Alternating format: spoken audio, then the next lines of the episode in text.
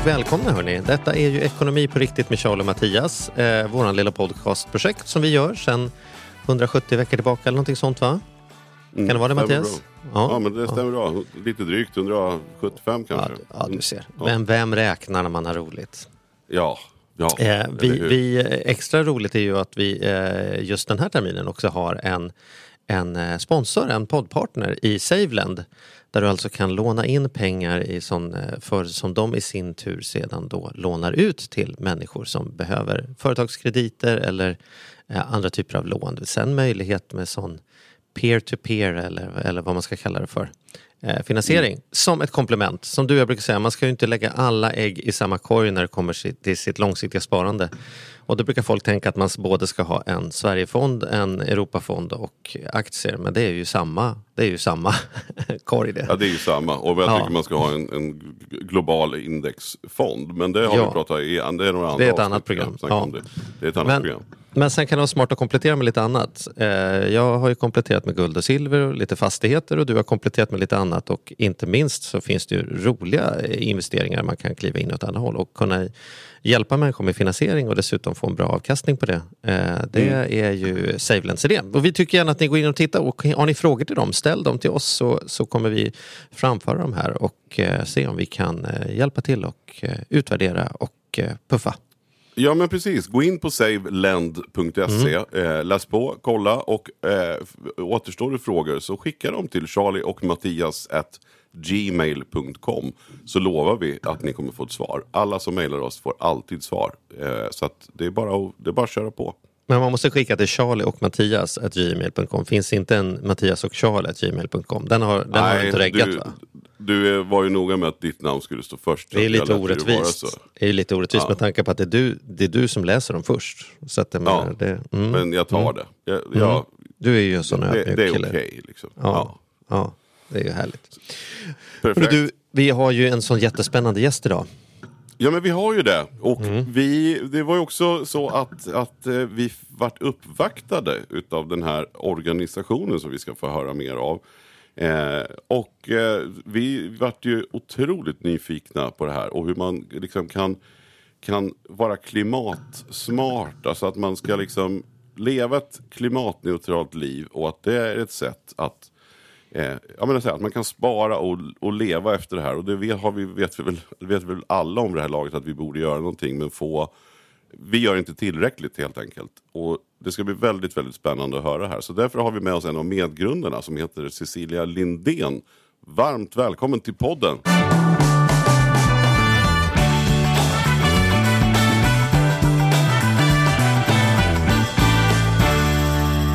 Snälla, vad kul att vara här. Det är ju en klen applåd när vi här två personer på lite håll. Men eh, vi får leva med det. Känns Hur, hur är dagsformen? Ja men det är bra tycker jag. Jag har fått cykla lite här längs med vattnet på morgonen. Väldigt härligt. Det är, finns det något vackrare än, än eh, Stockholm än eh, fin, eh, när, när solen skiner och eh, vinden värmer? Ja, nej, det var fantastiskt. Ja, Mm. mysigt. Det, det missar du Mattias. Mm. Ja, det minns jag. Ja, som fortfarande är nere i torpet. Men det, jag har ju hört att det går ingen nöd på dig där borta heller. Nej, det är ju fantastiskt. Jag, ja, det var ju liksom innan corona, eller när, när den började härja. Eh, och faktiskt innan, det var inte så att jag flydde Stockholm och, och stack och smittade ner en massa sörmlänningar. Utan jag, jag eh, drog i god tid och har sen blivit kvar. Så att, Mm. eh, jag är väl inne på fjärde månaden nu eller någonting sånt där. Eh, Har du noterat några personlighetsförändringar av att liksom...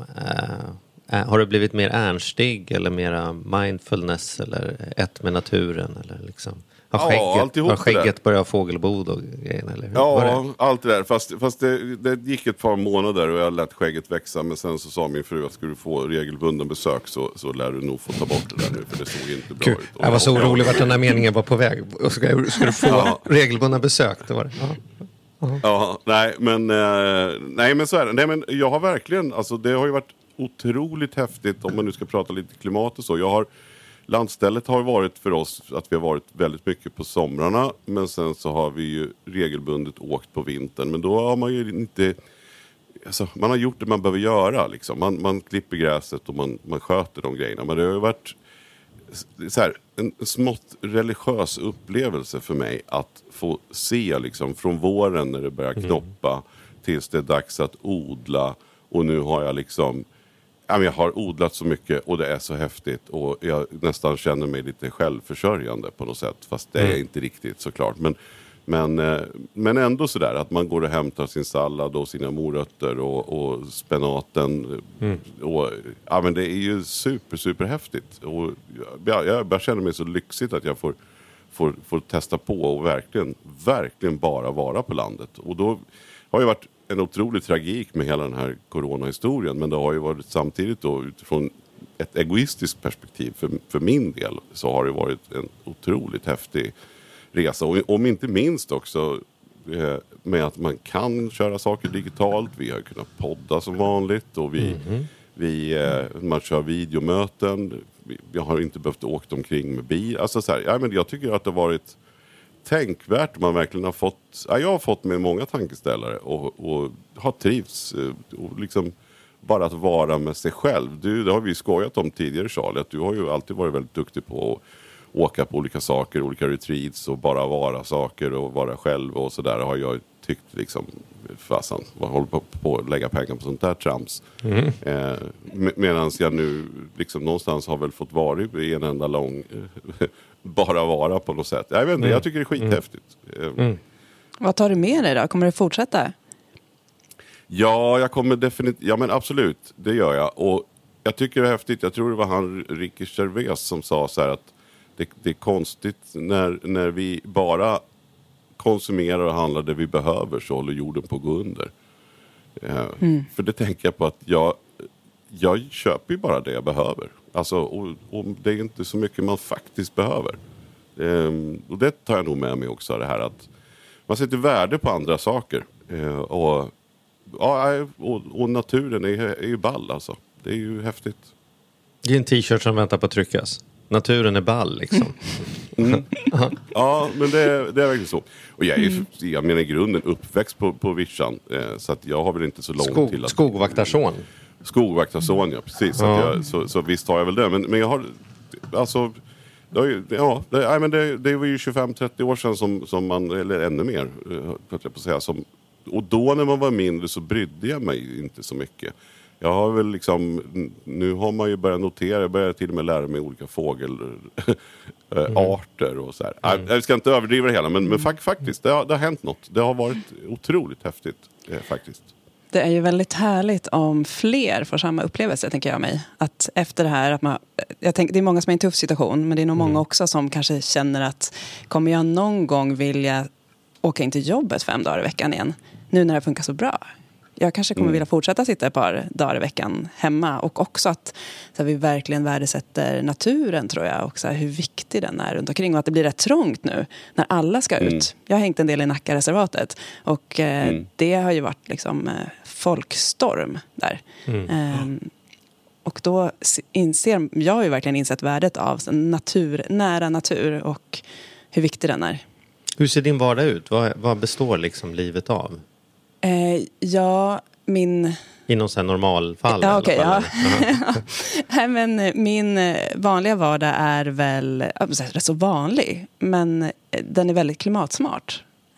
Men den är... Jag cyklar till jobbet tre dagar i veckan. Jag brukar jobba hemifrån en dag för att hinna rensa undan. Måndagar känner jag så skönt att inte bli avbruten. Och då får jag koll på allting, blir helt stressad. Jag var eh, sjukskriven för utbrändhet för några år sedan, eller under en kortare period. Så jag känner att det ger mig ett lugn att bara få beta av allt på måndagar och eh, ha koll på vad jag ska göra under veckan. Och sen så jobbar jag 80 procent, så jag är ledig på onsdagar. Så tisdagar och torsdagar och fredagar brukar jag cykla in till jobbet. Och det som är fantastiskt är också att så, vi jobbar ju sex timmars dagar. Så det betyder att min dag, vi har det rätt harmoniskt hemma. För både jag och min sambo är hemma när vi äter frukost på morgonen.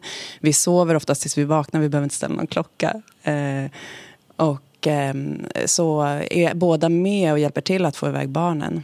Och sen så nu, vi har en sjuåring och en treåring.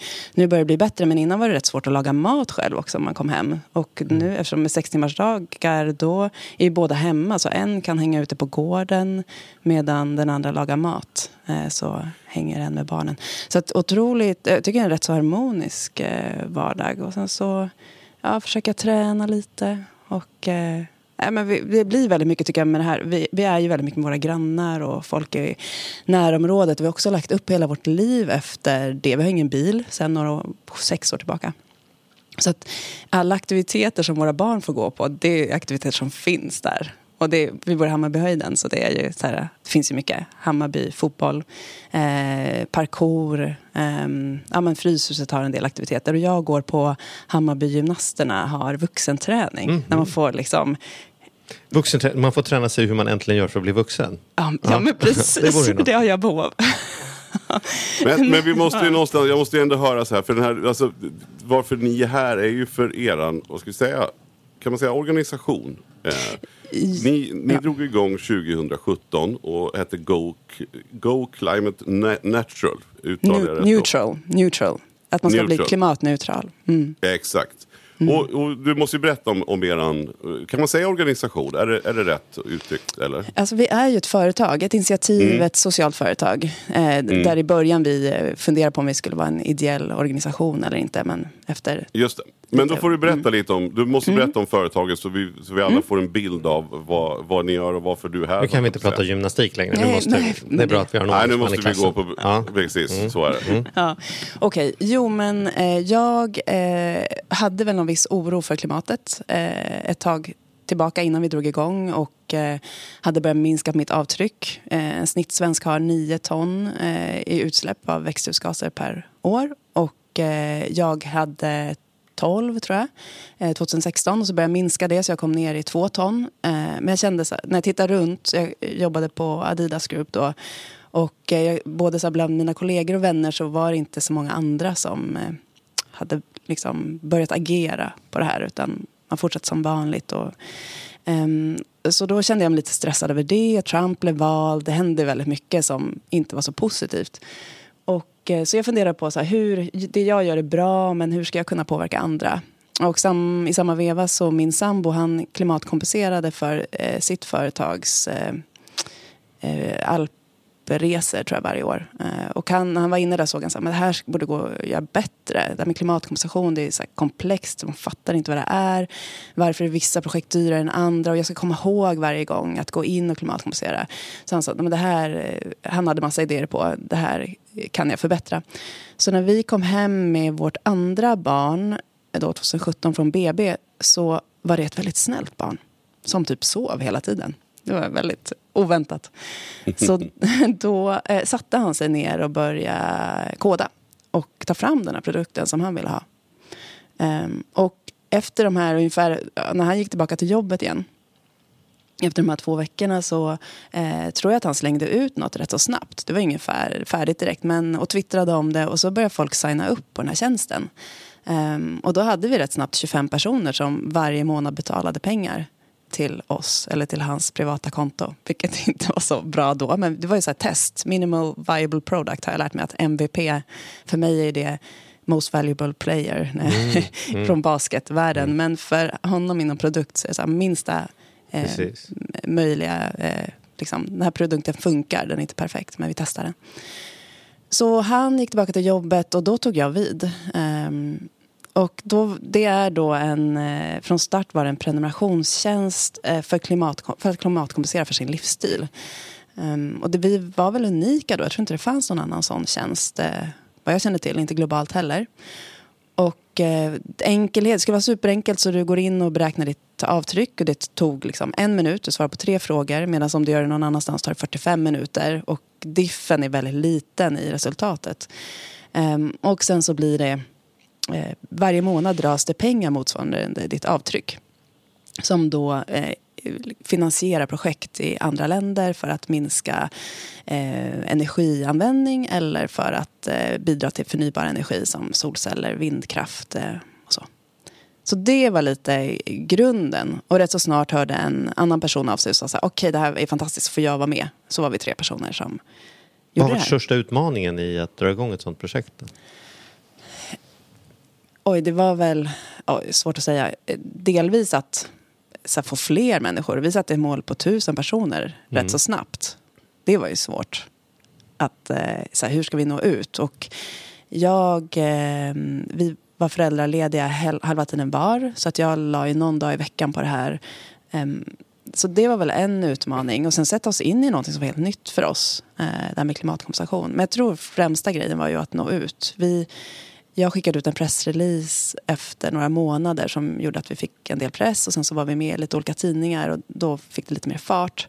Och Henrik som också var med då väldigt tidigt, han är någon form av jag känner inte till honom men han är någon guru inom agilt och leant, eh, lean coaching. Så han hade ett väldigt stort nätverk globalt. Så han twittrade om det och då fick vi helt plötsligt in folk från väldigt många, olika länder. Så jag tror att vi idag vi väl, har vi folk från 40 länder drygt som är med i tjänsten. Men det var nog största utmaningen. Tror jag. Wow, Eh, vad häftigt. 40 ja. länder, det är otroligt ju. ja, det är jättekul. Jag tänker så här, var, var, var är vi egentligen med klimatkompensation? För jag kan ju hoppa lite när jag tänker själv. Som, du, som vi pratade om innan, så både jag och Mattias är ju engagerade i, i klimatfrågor på olika nivåer på olika sätt. Både liksom i grejer men också liksom i vår egen konsumtion och hur vi tänker. Men ibland känns klimatkompensation för mig som eh, den bästa sämsta lösningen om man säger så. Lite som att jag går in på en krog och beter mig som ett svin men jag dricksar mycket på vägen ut så, så de åtminstone kan städa efter mig på något sätt. Liksom. Bäst, ska vi behöva klimatkompensation? Vore det inte bättre om vi hade företag som tog ansvar för hela sin produktlivscykel? Att vi ha, alltså så här, eh, bäst vore om jag, om jag skulle kunna köpa, tänker jag, vad jag än köper för någonting så, så vet jag att, att eh, prislappen är satt på ett sätt så att det tar hand om och skapar liksom, helst ett positivt klimatavtryck, punkt slut. Liksom. Snarare än att jag ska behöva gå och be om ursäkt för det jag har gjort. Liksom, är du med på vad jag menar? Mm, det är liksom, liksom lite dubbelt det där med vill, vill, vill vi ha ett samhälle där vi köper oss fri och så fortsätter vi åka med, på långresor till Thailand och sen så kan man liksom fläska upp pengar och sen så ska, känner jag mig som en bra människa ändå. Eller, eller ska vi stanna hemma och liksom... Ja, men, Ja, alltså det vore ju så Det här måste du skönt. tänkt på. Ja, om man kunde köpa sig fri vore ju det fantastiskt. Om vi bara kunde betala och fortsätta som vi gör. Det Mm. vore ju jättehärligt. Det går inte. Jag var rätt skeptisk till klimatkompensation i början och förstod inte riktigt hur det funkade. Eh, Och nu är jag ju extremt insatt jämfört med för tre år sedan. Mm, Det är eh, väldigt eh, få... Det finns lite studier. Det finns inte jättemycket studier. Men de studier som finns på företag och på privatpersoner visar att de företag och privatpersoner då, som klimatkompenserar de minskar sina utsläpp, företag främst då kanske, minskar sina utsläpp mer och snabbare än företag som inte klimatkompenserar. Och eh, vi, det jag tror det finns tre studier på privatpersoner just när det gäller en direkt koppling till klimatkompensation. Eller, vi gjorde en egen användarundersökning också. Och då var det noll som sa att de använde kom- klimatkompensation som ett sätt att öka sina utsläpp och liksom bara fortsätta som vanligt. Eh, vi har väl sett klimatkompensation lite som att det är så många som inte gör någonting. Jättemånga som är oroliga men de vet inte var de ska börja. Så då har vi sett klimatkompensation som ett sätt, ja men börja göra någonting. Alltså, tryck inte bara på en like på Facebook på ett liksom, inlägg om att klimathotet är allvarligt. Utan gör något faktiskt. Och eh, då har vi sett ja, men, eh, lite foot in the door teknik. Att om du börjar göra något bra för klimatet och att betala 40 till 100 spänn i månaden, det har de flesta råd med, det är liksom en öl. Eh, då eh, gör det att vi också, du får reda på vilket klimatavtryck du har och vi kan börja inspirera och peppa människor att göra mer och att det är så här större trolighet att du gör mer när du redan har börjat göra något bra. Och, eh, så att det finns egentligen inte riktigt några belägg för det här eh, att klimatkompensation skulle fungera som ett avlatsbrev. Eh, det som är eh, väldigt bra också det är ju som du säger att vi för, produkter, vissa företag gör ju det här redan, att de säljer klimatpositiva produkter. Att de tar ansvar. Vi kommer ju behöva fortsätta eh, handla mat. Vi kom, det är många saker som vi måste fortsätta ha, kläder och sådär. Eh, kanske inte lika mycket och vi borde betala mer för det. Men det har ju gått så långt nu. Det finns så mycket eh, koldioxid uppe i atmosfären. Så att vi behöver nolla så fort som möjligt och sen så börja liksom plocka ner det med hjälp av då kanske naturliga kolsänkor som är träd eller eh, biokol eller liksom andra sätt.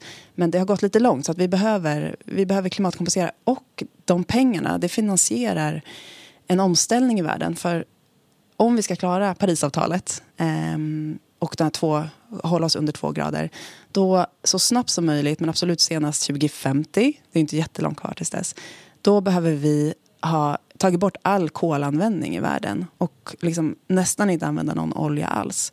Och idag så består så energisystemen av, jag tror att det är 87 procent, drygt 80 procent av världens el, energiförsörjning är fossilbaserat. Så att de här pengarna som man betalar då, det är en jätteviktig finansiering för att här, ek ekonomiskt initiativ för att få igång sådana här eh, projekt världen över som ställer om energisystemen. Men om 40 kronor är allt som krävs för att vara klimatneutral, varför har vi bara inte en klimatskatt på 40 kronor, det lilla påslaget på, liksom du vet, lägger vi ju på varje tank bensin så har du ju 40 kronor med råge pålagt liksom bara mm. på, ja men det är ju nästan, ja men förstår vad jag menar? Mm. Om det är 40 kronor, varför har inte staten bara satt av 40 kronor per svensk och månad och sen så, så kan vi gå tillbaka och fokusera på någonting annat? Det låter ju som, det, det är ju så mm. lite pengar i sammanhanget av vad vi, mm. vad vi rör oss med. Det är olika för olika människor men jag menar även, även för världsbefolkningen skulle vi ha råd med att alla i världen på något sätt hade en höjd skatt med 40 kronor mm. om man bortser från den fattigaste miljarden. Liksom. Och så skulle vi inte behöva sitta här i panik i Parisavtal och grejer. Liksom. Nej. Den är ju intressant. Jag tror ju så här, klimatkompensation ensamt löser ju inte allt. Det är en så hygienfaktor lite. Vi betalar men det skulle för... skapa resurserna kanske för att lösa Ja, precis. Allt, ja, men det, det, finns, det finns massa olika idéer på större lösningar och koldioxidskatt är ju en. Och jag de, de testar ju den i Kanada och så betalas den ut. Jag vet inte exakt hur det fungerar men, men eh, de som då handlar mest eh, de får ju betala en högre skatt. Men sen så fördelas den ut jämnt så att du tjänar på att eh, inte ha så högt avtryck. Om du handlar mindre så kommer du få en större återbetalning. Eller du betalar mindre skatt och så får du en lika stor återbetalning som den som har betalat jättemycket. Som, så det är ett så härligt initiativ. Jag har inte riktigt följt upp på det. Jag vet inte hur det mm. går. Men det finns nog jättemycket att göra där, tror jag. Men, det som men, också, men, om, mm. precis, men om, man, om man ska återgå till ett företag då, rent mm. krasst här. För jag, jag känner så här nu, det, det vi pratar om, det, jag tror vi alla är överens om att vi ska eh, vara klimatsmarta. Alla är ju medvetna om, om det här. Liksom, och mm. i, i, mer, alltså större eller mindre utsträckning. Men, men som för ert företag då, för jag var ju inne och gjorde det här testet hos er eh, på mm. er hemsida. Där man kan se hur mycket ja, vad är mitt klimatavtryck? Och så kom vi fram till, då skulle jag då betala 50 kronor per månad eh, som kom fram här. Och de pengarna, de, de går till er och de investerar ni i miljöprojekt. Är det så det, är det, så det funkar? Liksom? Mm. De pengarna, eh, vi står egentligen på tre ben. Så att de pengarna stöttar först eh, den, så här, den mängden koldioxid eller det avtrycket du har det är mm. lika mycket undervikna ton någon annanstans eh, betalar de här pengarna, står de pengarna för. Men de står också för att vi ska kunna inspirera och peppa människor att minska sitt avtryck. För det behöver vi göra. Så länge vi inte har lagar och regler och politiker som driver det så behöver vi liksom underifrån börja jobba på att minska vårt avtryck. Och sen så också mobilisera människor. Det är lite de tre benen som vi jobbar utifrån. Så dina pengar går till allt det egentligen. Ja, just det. Och vill man då mm. veta vad det här, för er som inte vet vad klimatavtryck är, för det visste inte jag heller att det fanns ens ett sånt ord. Eh, men då går man ju alltså in då på er hemsida och så testar man då där man får fylla i hur man bor och vad man har för uppvärmning och vad man åker för typ av bil och om man äter kött och hur mycket kött. Och, alltså det är, det är gjort på, på ett par minuter som sagt. Och, och då får man ett, ett klimatavtryck där. Så vi ska väl bara lägga till det här så att ni kan vara med, ni som lyssnar det är otroligt häftigt och spännande att se tycker jag. Vad, vad, vad det landar i liksom. Ja, jag, och det, jag tror också en fördel är, vi håller på att utveckla den här sajten hela tiden och eh, vi har ju som sagt vi har gjort det medan vi har varit föräldralediga och det är först nu vi har ett team på plats och nu händer det jättemycket. Mm. Eh, och på sikt, jag tror också att bara att göra det här så kan ju du se att okay, men mitt högsta, största avtryck det kommer från min mat. Ja, men då är det där jag ska lägga min tid och energi på att förändra om jag mm. också vill vara med och bidra till att vi mm. klarar Parisavtalet. Eller är det liksom att jag kör jättemycket bil eller eh, är det att jag flyger jättemycket. Så du ska kunna se att det här, det här orsakar mina största utsläpp och det här jag kanske borde lägga tid och energi på att förändra någonting. Det där känns ju så himla viktigt för det är ju svårt va? att lista Mm. ut. Ibland så känns det ju som att ja men nu har vi elcykelbidrag här och så Mm. sitter jag och inte ifrågasätter, eller jo, jag ifrågasätter det men jag klagar inte. Men så här, är det verkligen i ett land som Sverige där alla bilar har avgasrening och liksom vi har kommit så här långt ner, är det verkligen fler om man tittar på hur många miljoner det är jämfört med att investera dem i liksom vindkraftparker i en del av världen där man inte tar hand om detta överhuvudtaget. Alltså så här, hur, hur, det är så många myter kring miljön där jag tycker det är svårt att urskilja vad är bäst bang for buck. Det känns som om folk slår sopsorterar ihjäl sig och sen har man inte tagit fem minuter att klimatsäkra sina pensionspengar trots att pensionspengarna säkerligen skapar 10, 20, 30 gånger mer påverkan på klimatet än huruvida man la mjukplast och hårdplast i två olika kartonger eller inte. Vilket jag inte säger att man inte ska, jag bara säger om man nu gör en sak, vad är det egentligen som gör skillnad? Liksom? Det är en superviktig poäng. Och jag tror att det handlar också om hur vi har blivit skolade in i eh, ja, men liksom, hur myndigheter har sagt vi har blivit fantastiska på att återvinna. Det är ju jättebra, vi kanske inte ska sluta med det men om det är någonting som Alltså, jag tror att någon sa att, en, att återvinna i 20 år motsvarar en resa till Thailand. Så om, det är så här, om du återvinner på grund av klimatskäl, men då kanske du ska titta på om du ska åka till Thailand vartannat år istället för varje år. Eller har- du, hur tänker du? Har du gjort någon eh, beteendeförändring eller någonting som Och nu frågar senaste? du rätt person för Mattias har ju både bytt till elbil, har solpaneler på huset och är vegetarian. Så att, eh, Wow, det är ju Om jag ska hylla dig kompis så kan jag ju säga Ja. Ja, jag, äter, ju- jag, jag äter faktiskt lite kött. Men, ja, nej, men jag, har, jag har gjort väldigt mycket. Och för mig var ju kurvan när vi satte solpaneler här eh, i torpet så kommer det ju ta 10-11 år innan jag har rent ekonomiskt innan det vänder. Men det känns ju superbra i magen att ha satt de här. Och jag är skitstolt över de där panelerna. Jag går och tittar på dem varje dag. Men jag tror att man inte vet riktigt vad, hur kan jag liksom minska mitt avtryck på riktigt och hur, hur får jag mest effekt? Vad ska jag göra då liksom? Känner du igen den här problemställningen? Mm. Liksom? Det var ju lite därför vi drog igång det här. För att säga, okej, de här mikrovalen i vardagen, det är liksom, för det första genererar det jättemycket stress och det gör ju kanske att man blir handlingsförlamad. Så det var lite därför vi sa, börja med att beräkna ditt avtryck och klimatkompensera. Sen kommer vi försöka guida dig vidare. Vad borde ditt nästa steg vara? Ja, men eh, det är ju, vi ställer ju bara frågor kring det som har det största avtrycket. Inte var någonstans du köper dina tomater. Så att kanske, för mig är det väldigt jag tänker så här att om jag väljer istället att äta vegetariskt några dagar i veckan då behöver inte jag fundera på så här, vart har den här tomaten producerats. Eh, sen finns det ju andra anledningar att du kanske vill uppmuntra din lokala odlare. Det finns ju andra hjärtefrågor som man kanske bär på. Men om du bara vill göra något bra för klimatet, ja, men gör det enkelt för dig själv. Byt ut all köttfärs till vegofärs. Ett jättebra enkelt första steg. Eller ät vegetariskt en dag i veckan. Ehm, men gå inte, jag tror det blir för komplext. Det är det som gör att vi blir paralyserade. Vad ska jag göra? Det är för komplexa frågor. Så då gör jag ingenting. Och vi måste göra någonting. Så att, eh, eh, ja. Det, det är en jättebra fråga. Men jag tycker, alltså, jag vet inte, vi hoppas ju med det vi gör att kunna visa på att det här är det viktigaste. Vi vill bara visa, det här är meningsfulla saker du kan göra för klimatet. Gör, inte det andra nu, utan sätt fokus på de här. Välj en som du tycker känns lite härlig att göra. Eh, och så gör den. Men skulle vi kunna få då topp fem-listan på för en sån svennebanan som, som mig? Vad är, vad är, vart borde jag titta för att på riktigt, om jag nu vill halvera mitt klimatavtryck innan fredag, liksom. Är det möjligt och vad, vad, vad ska stå på listan att jag ska gå hem och inventera? Liksom? Mm. Ja, men det är väl möjligt tror jag. Vi får se. Ehm, jo, men det är ju, för det första, det här är ju helt kontextberoende. Alltså, Bor man någonstans där man måste åka bil jättelångt för att ta sig till jobbet, då eh, sitter du i en helt annan situation. Så att det här, bor man i en storstad, då finns det ju lite andra möjligheter. Så att det ena är ju, ja men cykla till jobbet. Eller åk kommunalt, om du har möjlighet. Under den här veckan fram till fredag. Eh, så ställ bilen. Mm. Den har jag gjort mig av med, men jag kör elskoter ibland. Ja. Är det, är, hur hur miljödåligt är det då? Är det okej eller? Ja, men det är ändå- väl bra.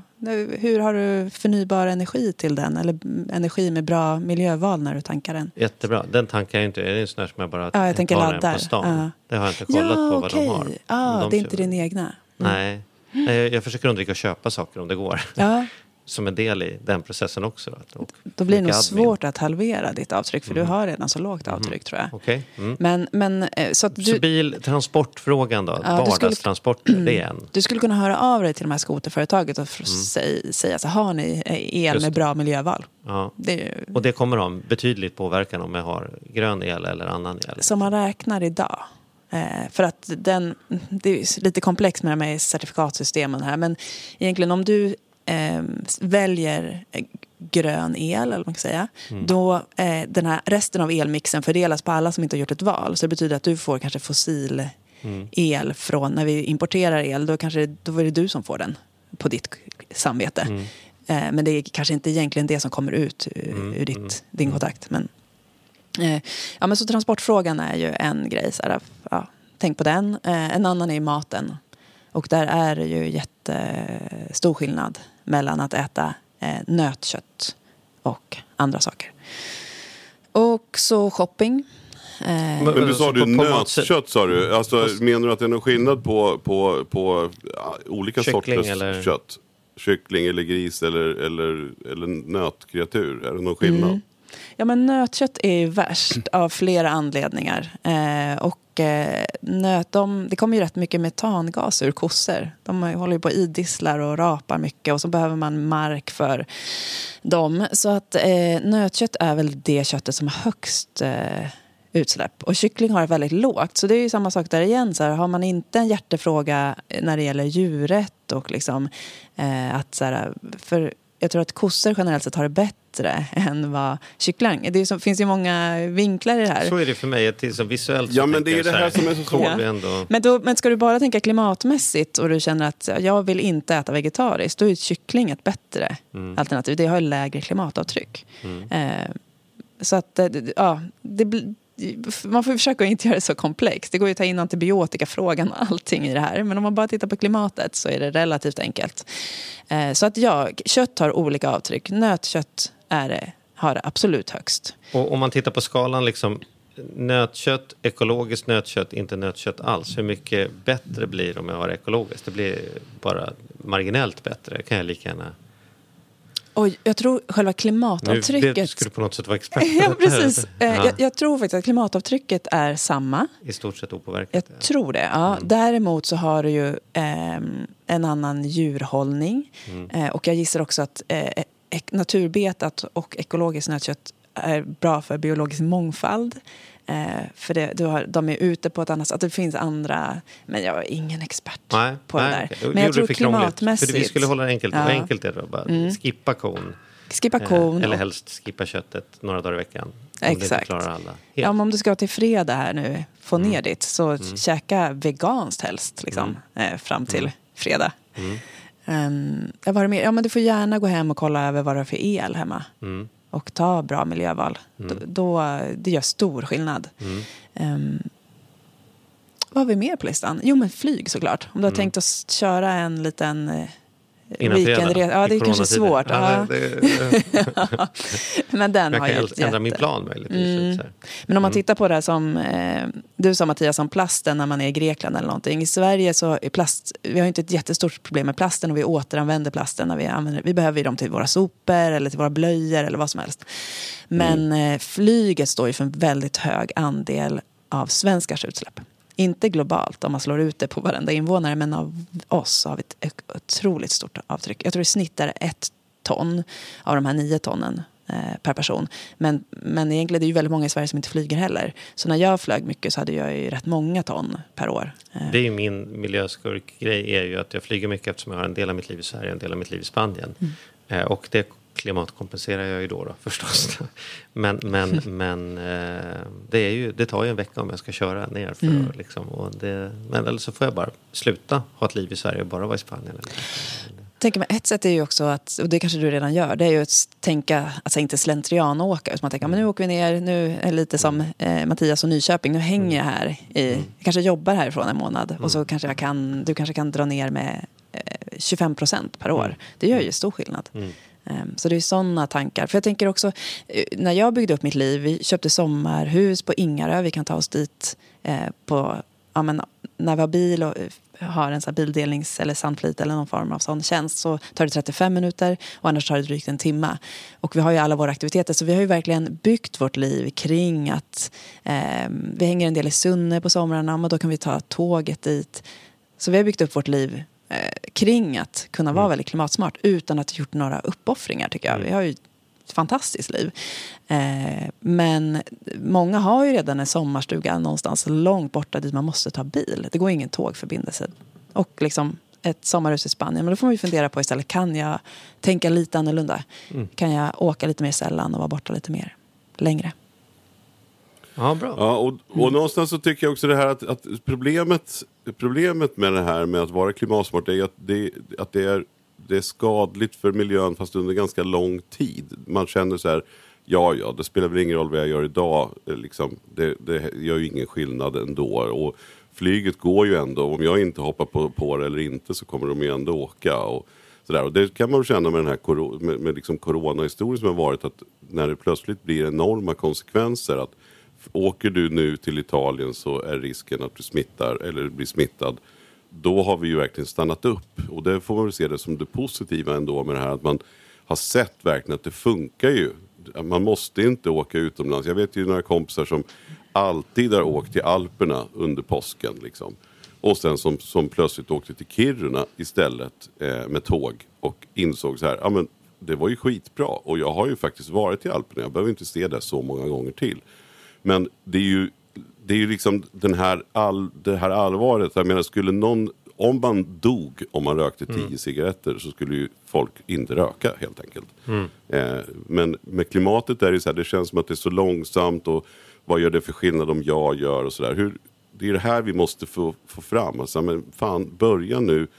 Det är nu det händer. Vi måste tänka på våra barn och generationer under och sådär. Men det är väl den här, det här konsekvenstänket som, som Mm. Vi måste få in i huvudet på folk. För det känns kanske bättre att skicka en hundring till Unicef där man ser barn som svälter. För det gör de här och nu. Eller har sjukdomar. Medan mm. att klimatet tänker man, ja ja men det ordnar sig. Det här kommer nog att... Ja, förstår du mm. vad jag menar? Alltså, det är väl det som måste vara utmaningen. Att få folk att fatta att det är dags nu. Vi måste mm. göra någonting nu. Ja, alltså du har helt rätt. Jag tänker mig bara om man jämför med corona så redan, alltså rätt så snabbt känner man sig men nu är det väl lugnt. Att mm. nu kan man börja, det verkar inte vara, alltså i början var vi så himla duktiga. Jag har hållit mig hemma jättemycket och jobbat hemifrån sen start. Men sen efter ett tag känns det som att men det händer, vi, det, vi har väl koll på det här nu. Eller liksom, man, man anpassar sig väldigt snabbt till um, en ny, ny vardag men också att det här hotet känns inte lika allvarligt nu förutom om man pratar med någon som jobbar på sjukhus för då är det lika mm. tufft där.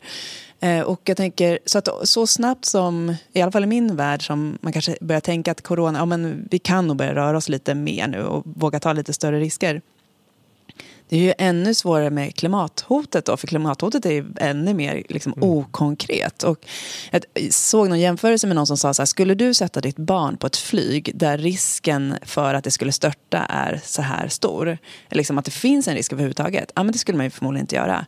Men det är det vi gör just nu, för att det är så svårt att förstå eh, konsekvenserna av att vi inte gör någonting. Det är så långt borta. Fast det är inte så långt borta längre. Men det är det vår känsla är. Så vi ser det inte riktigt. Och blir det lite varmare, nu längtar man ju nästan tillbaka till den här jättevarma sommaren i Sverige. Det var väl inte så jobbigt. Det skulle väl vara härligt att ha en sån här varm sommar igen. Vilket var mm. jättetufft. Um, så det är en jättestor utmaning att uh, förstå det. Men och fortsätta, liksom, hålla fortsätta ut. vara rädd men mm. fortsätta jag såg en jätteintressant dokumentär, kanske påverkat mig mer än någon annan. Jag har sett just om hur eh, rädsla och kris och sådana saker funkar och just det här att det är visuellt. Och då använder man det här exemplet att skulle du sticka ner handen till en, till en chefer som stod och skällde, som, så, så, aldrig, men då, folk sticker gaffeln i brödrosten varenda morgon för att få upp skivan. Och då ska man ändå veta att i stort sett ingen dör av schäfrar och över tusen personer dör av brödrostar och gafflar varje år.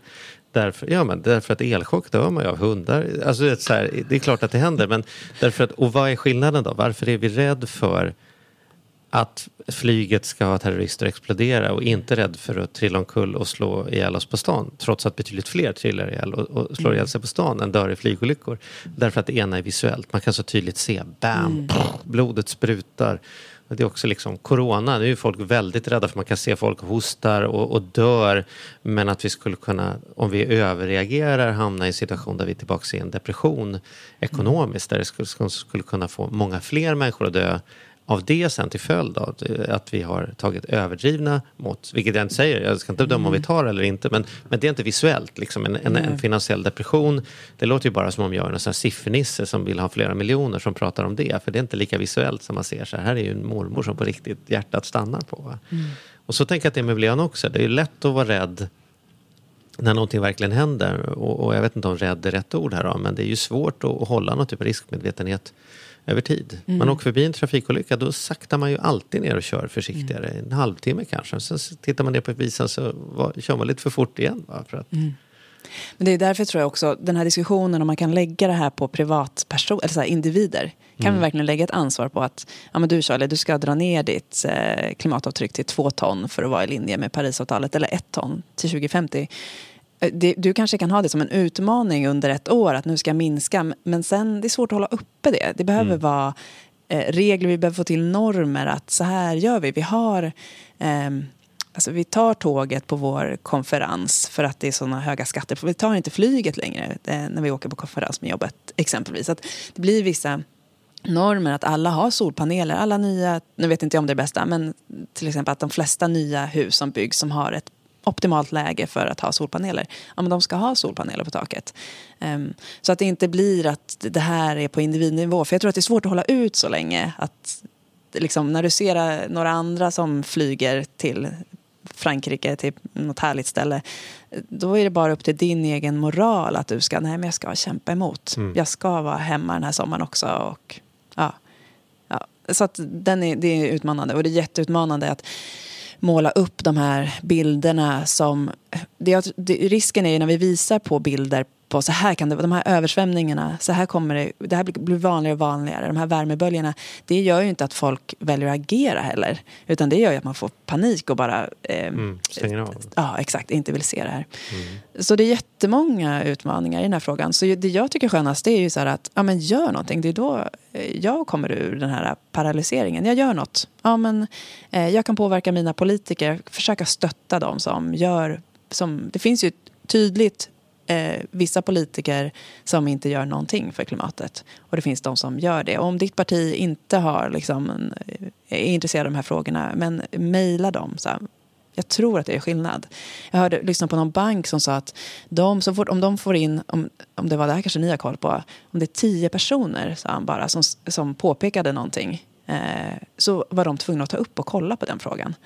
Så att det, det kanske har större så här, politiker tvingas ju lyssna på mm. eh, dig på något sätt.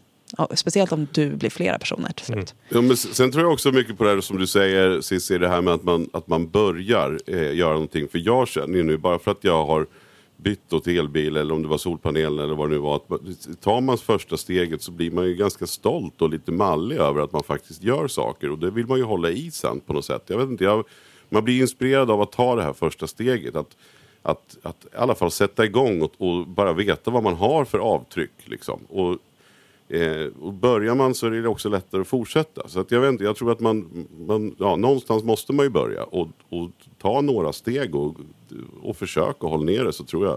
Och så berättar man stolt för sina kompisar och sen i bästa fall så blir de inspirerade och sen så har vi det liksom i rullning. Att det ska vara en del av vår vardag att man faktiskt tänker på klimatet. Så gör det ju stor skillnad. Så att, eh, ja, men, men vart ska man gå in då? Eh, er hemsida. Man kan gå in och, och, få veta vad man har för avtryck där ju. Mm. Ja, då går man på goclimate.org. Mm. mm. Perfekt. Och, och ni har bytt namn? Om man kanske, ja, eller hur var det precis. Då? Vi började, och vi testade så många namn i början, jag kommer inte ihåg allt, men vi landade i Go Climate Neutral först för att vi upplevde att vi behöver vara klimatneutrala. Men sen eh, allt eftersom så insåg vi att det räcker inte att vara klimatneutral. Nej, vi behöver ju bli positiva som du pratade om. Ja. Mm. Och, eh, så då kände vi väl mer och mer att ja, men, Go Climate. Så det nu är det bara mer... Go Climate? Ja, exakt. Mm. Mm. mm. Coolers. Mm. mm. Go Gud vad spännande. Vad kul. Ja, det här och är spännande. Och ett tips tillbaka till er som inte var på din lista så tror jag att så här, eh, kolla om vi kan göra någonting kring eh, spar. Eh, det långsiktiga sparandet, pensionssparandet skulle jag gissa ligger lång, eller gissa jag vet att det ligger bra långt över elcykeln i eh, den faktiska klimatpåverkan var vi sätter våra. Och frågar man människor vad de har för klimatpolicy kring sina pensionspengar så är, tittar de flesta på en som att man är dum i huvudet för de har inte ens Mm. tänkt tanken att det faktiskt är det är ett enormt kapital där som antingen kan jobba för att göra gott eller jobba för att göra ingenting eller jobba för att till och med göra dåliga saker. Liksom. Och det är Så rätt lätt att ändra. Ja, det är ju jättelätt. Ja, för att visst, pensionssparandet nu är ju väldigt enkelt Ja, att ja. välja fossilfritt Ja, om du går in på BRPPM. Nej, vad är det? Ja, du kan gå in där. Det finns ju Ja. en samling av, av vad du har eh, ja, alltihopa också. Så att Mm. jag menar, så- ja, det finns många Min, möjligheter. minpension.se. Ja, just det. Och jag såg också på eh, Avanza, där jag har min tjänstepension, där kan man ju se eh, väldigt mycket om det är liksom vapen och eh, i- stort sett alla fonder tror jag redovisas. Och de- de redovisar också vilka som gör bra grejer för klimatet. Så att då kan man välja de som faktiskt inte bara försöker att inte göra dåliga saker utan faktiskt gör bra saker. Också bidrar till den här eh, omställningen och en bättre framtid. Snyggt. Ja, men coolt. Jättebra. Stort tack Cissi för att du kom till oss och fortsatt lycka till med, med ert företag slash organisation får man ju ändå säga eh, att det är också. Eh, så att eh, ja, fortsätt kämpa och gör det bra jobbet ni gör. Jag är djupt imponerad. Ja, tack snälla för att jag fick komma. Kul att höra om Tack. era klimatsatsningar. ja, Ja, coolt. ja, Tack. Bra. Tack.